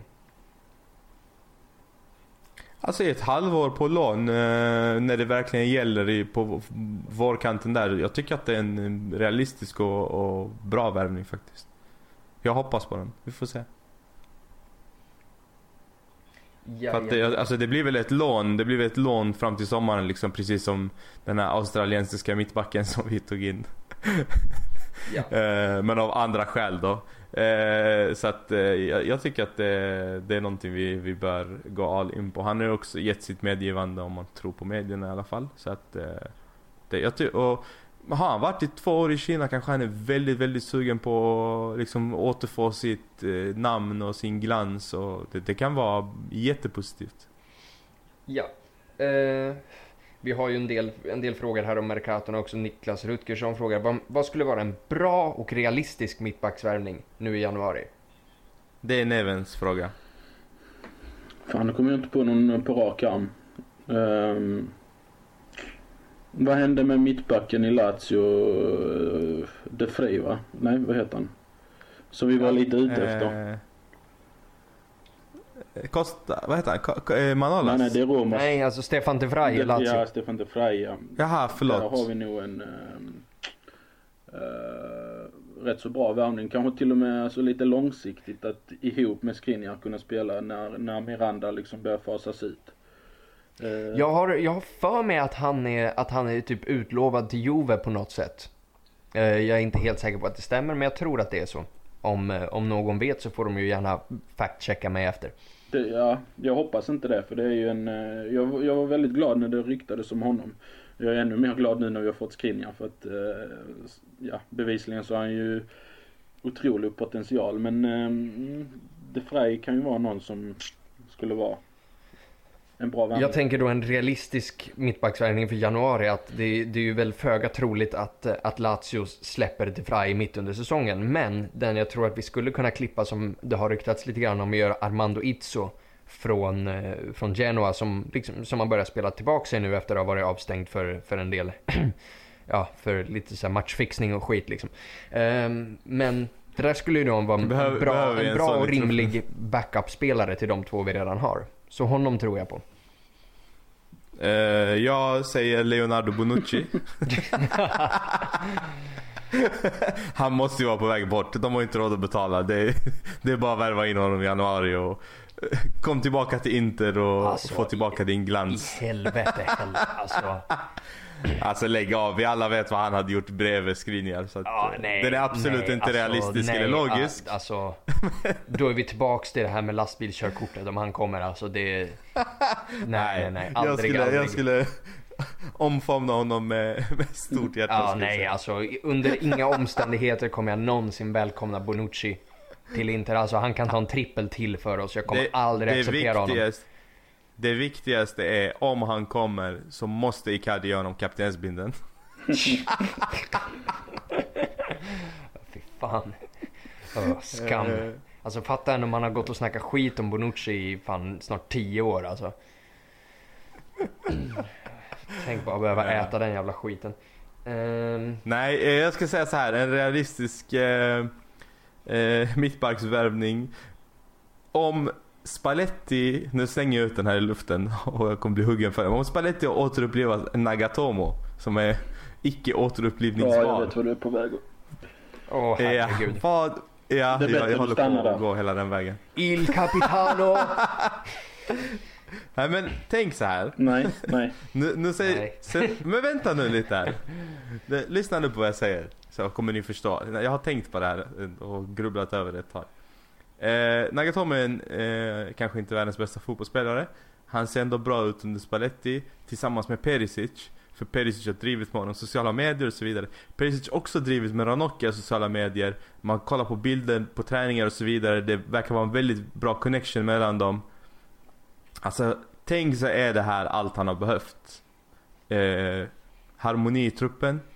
Eh, lite utmaning. Eh, var en i gänget, vilket han aldrig har varit. Han blev kapten över ett gäng som han inte fixade liksom. Eh, ingen kunde respektera honom och så vidare.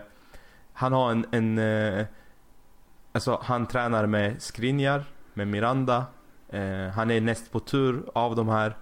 Tänk om allt det här blommar ut i att han faktiskt kan vara Se okej ut med Skriniar Men till han, exempel. han kommer ju få, Nej, han nej, kommer nej. ju Ja, Jag har en, en anledning. Vi kommer få se det. Vi kommer få se det under den här Ja men säsongen. eh, så som Miranda drar på sig gula kort så kommer han ju definitivt alltså, få hoppa Precis. in. Och det är ju ganska snart. Så. Men han, han får Ja, alltså jag upp. säger ju så här att Miranda behöver ju ta ett taktiskt gult nu mot Sampo och vara avstängd mot, mot Hellas och inte ta det under Hellas-matchen och vara avstängd mot Torino. Mm. Mm. Jag tror inte eh, Miranda har tänkt så långt men du kan väl dra ett DM till honom? Ja. Sänk en jävel! Men nej, alltså Ranocchia, Ranocchia ska ju inte spela för det finns ändå, och nu tycker jag att båda, både han och Nagatomo är genuint genomusla spelare.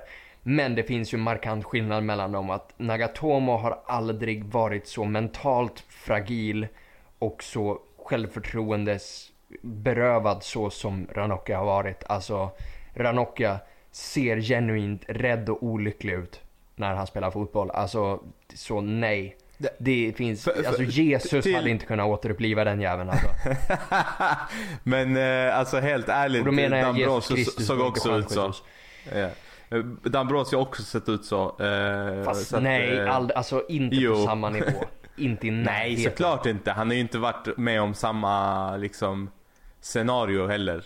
Är du med? Alltså det är ju två olika sätt. Alltså Ranocchia fick, alltså jag, jag sitter inte och skyddar Ranocchia utan jag tänker bara Och alltså, det Kan här, det här, sorry, sorry att jag avbryter dig, uppfinna- men det här, du, det här du säger om Ja, du kan han spela bredvid Skriniar. Alltså Ranocchia spelade majoriteten av sin karriär bredvid Walter Samuel och det hjälpte inte for shit. Alltså, tyvärr. ett tag. Det där är, alltså, död och begraven. Det- Låt, det hjälpte låt, låt, honom, Ja. låt honom vara bara. Vi får se. Eh, killen ville lämna i sommar, han fick inte så att eh, vi får se. Ja, eh, och sen så får vi hoppas på att Van Höjsten kommer tillbaka från sin skada. Han tränar för fullt, eh, alltså med rehabilitering just nu. Men, eh, och det är ju ingen som vi vet någonting om, eller som jag vet någonting om. Men han verkar ha rätt attityd i alla fall. Sen får vi se hur långt det håller. Eh, ja, vi har en till eh, Mercato-fråga här från, från eh, Rebar Ali som undrar i dagsläget, vem kan ersätta Handanovic eh, om, eh, om, om han under några omständigheter skulle lämna? Eh, och Elvis Eh. Aslanovic där föreslår ju Perin och där säger jag ju nej, nej, nej, nej, nej, nej, gud nej. Får jag håll, svara på håll, håll fascist Perin långt Får borta jag svara på den här? Ja, jag kör. Elvis vill inte upp mig men eh, ja, vem som helst kan ersätta. Alltså, jag har ju... Alltså alla målvakter är bra. Det är, det är, jag, jag ser inte någon som, som sticker ut. Och, de kan sticka ut på andra sätt men Till att börja med så tycker jag, jag tycker att vi ska, ha kvar, vi ska ha kvar Handanovic för Ja, liksom, det finns inget, inget syfte med att släppa lämna. honom nu. Men om vi skulle så, jag diggar Romas målvakt, alltså den här Alisson Becker. Jag tycker han ser bra ut alltså. Kommer bli bra. jag tycker alla ser bra ut. Helt ärligt alltså, Berisha i Atalanta ser bra ut, han har spelat i Kalmar. så alla Alltså, ser bra ut. Du Ja. får ju för fan skärpa dig någonstans alltså. Nej alltså jag, jag, jag ser faktiskt inte eh, någon målvakt som superior till någon annan. Jag tycker Dollarumma är minst lika bra eller dålig som resten av Serie A's målvakter. Nej, jag, jag håller inte alls med där. Jag, jag, jag förespråkar ju för att eh, ska man ha ett stabilt lag så måste man, det bör komma från målvakten. Men eh, på svar på frågan så jag tror inte heller vi släpper Handanovic. Alltså varför skulle vi? Han är ju tillräckligt eh, bra för vårt lag och han vill inte lämna, det tror jag inte. Så att jag tror inte det, jag ser inte det hända liksom. Nej det snackas om förlängning också. Precis. Eh, Samanpour frågar, vem är Inters största värvning för säsongen? Och själv förespråkar han Spalletti och Sabatini. Han besvarar frågan Eh. själv tycker jag. Ja. Ja, men för sakens skull om vi då liksom, om vi då eh, tittar bort från ledningsgruppen och kanske faktiskt kollar på planen då. Vem som är den bästa Ja, värvningen för Det säsongen. finns ju ingen Ja, det, är diskussion väl, då. det, det är väl det. Mm. Det är ju Mm. Skriniar slovakiska såklart. monstret liksom. Det är väl såklart att det är Cancelo. Eh, ja, och sen har vi då från Georgios Ionadis. Ionadis. Du får ju ursäkta min, min grekiska här. Men eh, eh, som kommer med hela åtta frågor och eh, alla tycker jag är helt rimliga att, eh, att gå igenom. Så vi kan ju, vi kan ju börja där. Hade Miranda presterat bättre om Morio stannat? Och hade då Skriniar ens fått chansen om Morio hade varit kvar? Eh, ja. Du får dela ut frågorna. Ja, nej men som sagt, den som, den som har ett bra svar, det är ju bara att hugga liksom. Eh, hade Miranda presterat bättre om Murillo stannat? Eh, nej, men han hade sett bättre ut för att Murillo är ännu sämre. hade då Skriniar ens fått chansen om Murillo varit kvar? Eh, ja, för att eh, Skriniar är mycket bättre. Ja, och det hade ju, det hade ju Spalletti märkt direkt och om vi säger, där får man ju också ge cred till, eh, till Sabatini och Ausilio och även, ja, även Spalletti då, vad, hur mycket nu han hade med det att göra. Men Skriniar-värvningen är ju rent av briljant. Det är ju Mm. perfekt scoutat. Så, så definitivt hade han fått spela. Och här kommer ju en fråga som jag tycker är väldigt intressant att diskutera just nu. Har inte någon realistisk chans att knipa scudetton redan i år? Vad tycker ni? Jag tycker nej. Jag tycker ett halvt ja. Mm. Om, om, man- kan jag få, lite... om man kan få svara så. Ja, alltså jag är inne lite på samma spår, samma spår som, dig, som dig där Neven. Att vi har ju presterat betydligt bättre än vad vi hade väntat oss. Bara jag tror att någon i klubben hade väntat sig egentligen. Och då med det facit i hand att skulle vi hålla oss kvar på den här nivån fram till januarifönstret så skulle det nog vara rimligt att börja att faktiskt satsa därifrån. Att om vi kan ligga inom 3-5 poängs distans från Napoli när fönstret öppnar. Då är det ju bara att satsa. Alltså till exempel, till exempel då dega upp de cashen som krävs för Vidal. Och plocka in honom. För om vi då rustar upp laget lite grann, för, för laget är, är rustat för att gå långt nu. Och skulle vi då sätta in den här liksom sista, sista instansen av kvalitet så skulle vi fan kunna göra det. Mm, mm. Ja, som sagt, jag, jag, ser inte det, jag ser inte det som möjligt. Det finns ingen realistisk chans. Eh, det är alldeles för bra lag i toppen. Eh, de är bättre rustade, de är mer förberedda. Eh, vår dipp har inte kommit. Det har i och för sig inte de, de andras heller. Eh, men jag tror att när dippen kommer så kommer det skilja sig. Jag tror vi ska hålla oss till eh, vår eh, topp 4 jagande placering och att precis som jag nämnde i början av den här podden när vi började med den att det är viktigt att ha ett mål som är realistiskt, eh, som man verkligen strävar efter. För även under den här säsongen Mancini, när vi startade bra så började vi snacka scudetto. Och även Mancini gick ut och snackade, ja, men vi, klart att vi satsar på att vinna. Alltså, vi ska inte satsa på att vinna ligan när vi inte är där.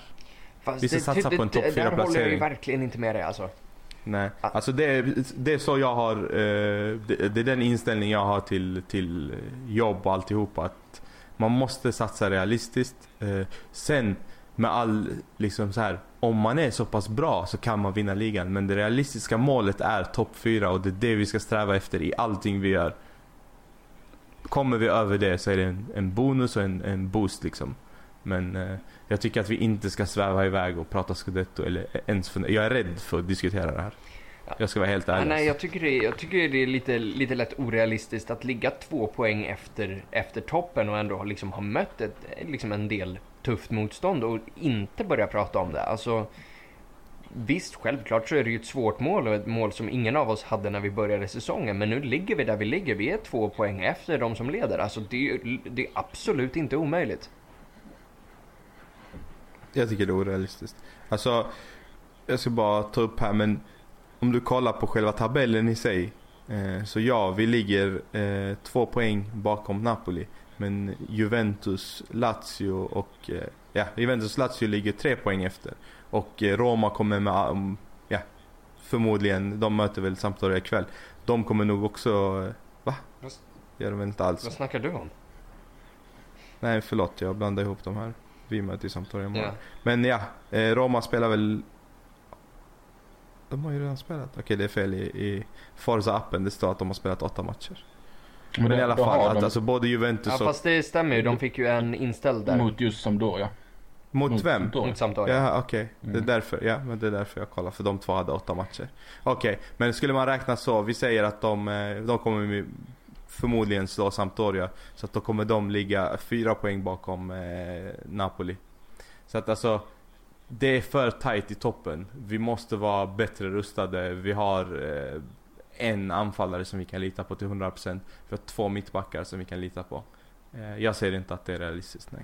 Jag, jag Eh. tror att de kommande tre matcherna har, en stor betydelse för om vi skulle kunna vara med eller inte. Dammar vi av nio poäng där så ny boost i laget som kommer liksom hålla säsongen ut tror jag. Ja, eh, och eh, det, är en, det är en till fråga rörande scudetton där han frågar att om vi tror att Napoli har en vettig chans att ta scudetton istället för Juve. Ja, Ja, det har absolut. jag sagt eh, ja, sen i somras att jag tror de tar det. Så det finns väl ingen anledning. Man måste ändå nämna, man måste ändå nämna att de eh, spelar med 10 man igår från första halvlek och alltså vinner med 6-2 mot Udinese borta. Juventus. Och det är det här man, man inte får underskatta. Alltså de här vet hur man vinner. Det är samma Udinese som slog eh, Sampdoria med 4-0. Så att eh, Juventus och Napoli är liksom, det är topp två i Serie A. Det är de som kommer sluta på topp två i Serie A. Det är jag ganska övertygad om. Eh, ja, eh, samma person ställer följaktligen frågan, tror ni Moratti kommer tillbaka till Inter? Eh, jag tror det, men jag tror inte att det är Massimo Moratti. Okej. Sonen tror jag kommer ta över en vacker dag. En vacker dag, okej. Så inte inom en närstående framtid då? Nej, det tror jag inte. Jag tror att det dröjer. Eh, jag tror att vi kommer vara ett topplag då. Okej, jag ser ju inte hur det skulle gå, hur det skulle gå till liksom. Var, vart skulle de få pengarna att köpa tillbaks oss ifrån om, eh, om nu kineserna bygger ett, bygger ett storlag liksom? Ja, men det räcker att eh, Kina stoppar eh, eh, kineser från att äga europeiska fotbollsklubbar så, så är det dags att sälja. Det är den typen av ägare vi har tyvärr. Ja, nej som sagt, jag tror, jag tror att Moratti-familjen tyvärr är, tyvärr är klara. Jag är helt övertygad om att när eh, Massimo eh, lämnar oss så kommer eh, hans son få samma kärlek och försöka uppnå det hans far och hans farfar har uppnått. Och det hade varit vackert också. Näven, något att tillägga? Mix. Alright, så vi går på... eh, Vissa av de här frågorna har vi redan diskuterat, till exempel liksom vad, vad Sabatini har tillfört och Primaveran och så vidare. Eh, så en intressant fråga här. ja, ja. Har ni följt Gabigol någonting sen han anslöt till, eh, till Benfica och eh, så skriver så skriver Georgios också att personligen tror jag att han helt enkelt suger. Och är en spion åt Juve helt enkelt. Kommentarer kring honom. Jag är helt inne på ditt spår mannen. Det är, han suger, rakt av. Boom. Uh, Neven, vill du ta den? Alla vet nog vad jag tycker. Ja. Ja, nej, jag har inget att tillägga. Ja. Hampus uh, sa det ganska bra. Ja, alltså Det vad, enda vad, jag han, tycker åst, är- han åstadkommit liksom en, en, ett lobbmål och en, och en knytnäve i nyllet på en lagkamrat. Alltså det är så här, ja, fan vilken värvning va? Och, och, Alltså vi kunde, och alltså allvarligt, Alltså, vi kollade på Gabriel Jesus. Vi hängde, hängde med fram till sista budgivningen på Gabriel Jesus och så sket det sig bara, men det var fan, den här killen kanske funkar. Men, men, ja, han är tillsammans med Neymars men, men syster. det, Ja. det, det som folk, de som hyllar honom, det är ju liksom eh, De har tagit det här lobbmålet och så har de gjort en sån eh, Youtube-video av hans tre år i Santos och tagit hundra sådana här lobbmål och klippt ihop i en video på fem minuter och så är han liksom wow. Ja, och det här liksom tillsammans med Neymars syster. Alltså liksom någon gång så måste ju folk fatta att fotbollstalang smittar ju inte gärna genom syskons kön heller liksom. Så... Åh jävlar. alltså, Det krävde en cigg eller? lite så alltså. Ja, Det är jobbigt för eh, Hampus att diskutera Gabriel Barbosa. ja, ja för fan. Alltså jag skulle hellre prata om den Gabriel Barbosa som lirar i Spall alltså. Det känns som en betydligt skarpare, skarpare karaktär alltså. Eh, Okej. De har något gemensamt i alla fall, båda sitter på bänken. Jajamän. Eh, vi tar två frågor till innan vi avrundar för idag. Nu har vi snart eh, suttit här och, och tjatat på i en och en halv timme. José Bari, om vi lyckas ta oss till Champions League, är det rimligt att tokinvestera nästa sommar och byta ut halva truppen i hopp om att gå långt i ligan och CL under samma säsong? Eller ska vi bygga vidare på det som finns nu liksom bit för bit? Ja, Eh, och han frågar också, mm. Och vilka anser ni ska vara stommen av detta lag och starta nästa säsong oavsett vilka som värvas? Alltså jag tycker vi håller på att bygga en jättefin stomme så det finns ju ingen anledning att byta ut det. Eh, och då tycker jag stommen är, ja men Handanovic, Skriniar, Vesino, Icardi, Perisic. Även om han bör komma lite till åren men sen kan man väl bygga vidare. Han är 28, han, Ja alltså, men alltså precis. Perisic han är ju har den här dunderatleten, han kommer ju hålla i, i han fyra har år till fyra, utan fem år problem. till i sig, precis. Så det är väl bara liksom ehm, fortsätta det fina jobbet Sabatini har gjort och hitta de här byggstenarna som ska passa in. För att ta nästa steg. Ja, det är väl egentligen samma, samma som vi alltid har diskuterat, att det är högerkanten och ytterbackarna som framförallt behöver bytas ut. Mm, mm. Sen eventuellt också ha Mario om inte, han, om inte han tar de här nödvändiga stegen framåt. Vad har du emot Sjömario helt plötsligt? Jag har inget emot Juan Mario. Jag säger bara att för de pengarna han är värd, så om inte han liksom blir det som han kan bli, så måste vi förflytta de pengarna och lägga det på, lägga det på någon annan som, som faktiskt kan stå för de målen. För 45 miljoner, vi får Vidal för det. Vi får Di Maria för det. Jag, jag skulle säga så här, om vi, om vi, eh, om vi når Champions League så ska vi förstärka med två eller tre alltså toppnamn. Eh, tillsammans med de här som vi redan har byggt upp nu. Ja. Eh, och kommer bygga upp under året. Eh, så kommer det bli ett, liksom ett, ett, ett fullt fungerande lag för både liga och Champions League. Det är jag helt övertygad om. Eh, men viktigt att de här två, tre är faktiskt toppspelare tycker jag. Ja, absolut. Eh, sen, sen hela den här diskussionen, om vi tar Champions League, alltså kyl ner för fan. Vi, vi är, alltså, Lägg ner Vi tar Hampus, Champions League, alltså, det- Sluta, sluta, sluta, sluta, sluta. Ah, jinxa inget nu. som, Nej, alltså jag är livrädd för det där och gör vi en sån här Jinx bra finns säsong inte. Jag, inte sa- jag tar- sa långt innan, Milan, innan derbyt att vi tar det här. Det är lugnt, vi kommer vinna. Se. Det tog 90 minuter för oss att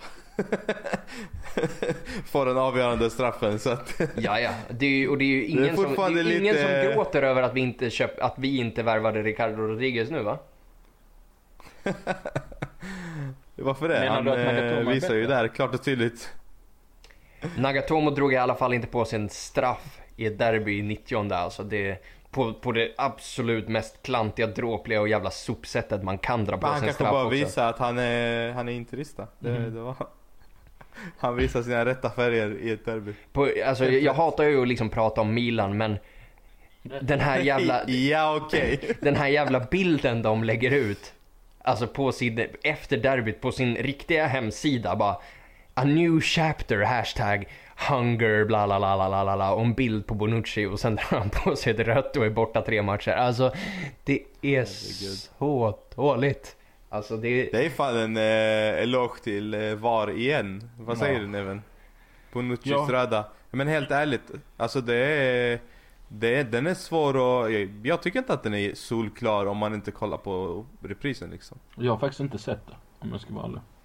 Okej. Kolla Mm. på den för det är ett beslut som togs genom VAR och han kommer bli avstängd ett par matcher för den så att... Eh, ja och en- med rätta ful som fan var den. Ja, men det är sånt vi hade älskat från eh, Walter Samuel så försök inte. Ja, Eh, Jo, det hade vi. Jag hade i alla fall. Jag hade älskat det från Materazzi, jag hade älskat det från Skriniar. Eh, Skriniar la två, tre tjuvnyp i den här matchen också mot Napoli. Märkte ni det? jo men han spräckte ju inte Armbåge ögonbryn på en jävel. Nej, lite otur. Eh, och sista frågan vi, här, vi har eh, rör ju just Skriniar också och det är Basar Aliomar som frågar Bör inte Skriniar göra lite tabbar snart? Annars kommer toppklubbarna börja ringa. Eh, alltså jag ska säga så här. han gör redan ett par tabbar men han reparerar dem och, och över 90 minuter så är han helt otrolig. Eh, så att... Eh, Och det här med toppklubbarna, ja. alltså vi, även om De vi, även om vi inte pi, liksom piskade in 300 mille som en annan skitklubb gjorde, så vi är, vi är inte det Inter som vi var för fyra år sedan. Alltså, vi är inte det är ett inget säljande lag. Så vi, det, låt dem ringa alltså. Ja, jag är helt övertygad om att de redan har eh, förhört sig om hans situation till hans agent och så Och vidare. dessutom, Så det, går är att blocka ingen- nummer på iPhones nu. Så, Ja, så det är bara att blocka Real Madrids nummer. Inga problem. Men ringer de med dolt nummer så är det kört. det kan du inte blocka. Jag säger som Kapten Röd, säger- man svarar aldrig på okänt nummer. Nej, bra motto. Jajamän. Vad säger du Neven? Vad sa du? Vad säger du? Kommer han göra tabbar? Skrivningar? Nej. Jag, jag tycker han... Um, nej men han känns så självklar. Jag, jag ser bara liksom hans kurva peka uppåt. Men det är ju samtidigt precis som ni säger att vi är ju ingen, vi kommer inte vara i behov av att sälja liksom. Så som vi var innan. Så att eh, det är bara en ny kontraktsförlängning. När det väl det budet kommer så, så är det löst. Ja, men föredragsvis innan det budet kommer också. Mm. Eh, och med de orden så börjar vi avrunda för ikväll. Eh, tack så jättemycket till Binan och Neven som har varit med och till alla er som lyssnat och tack igen för alla frågor. Fortsätt pumpa på dem. Eh, och så hörs vi efter Sampdoria-matchen inför matchen mot Nassarna i Hellas. Tack för ikväll och eh, ha en fin dag och Forza Inter. Ciao! Tack så mycket. Forza Ciao, ciao, Inter. Forza. Ciao.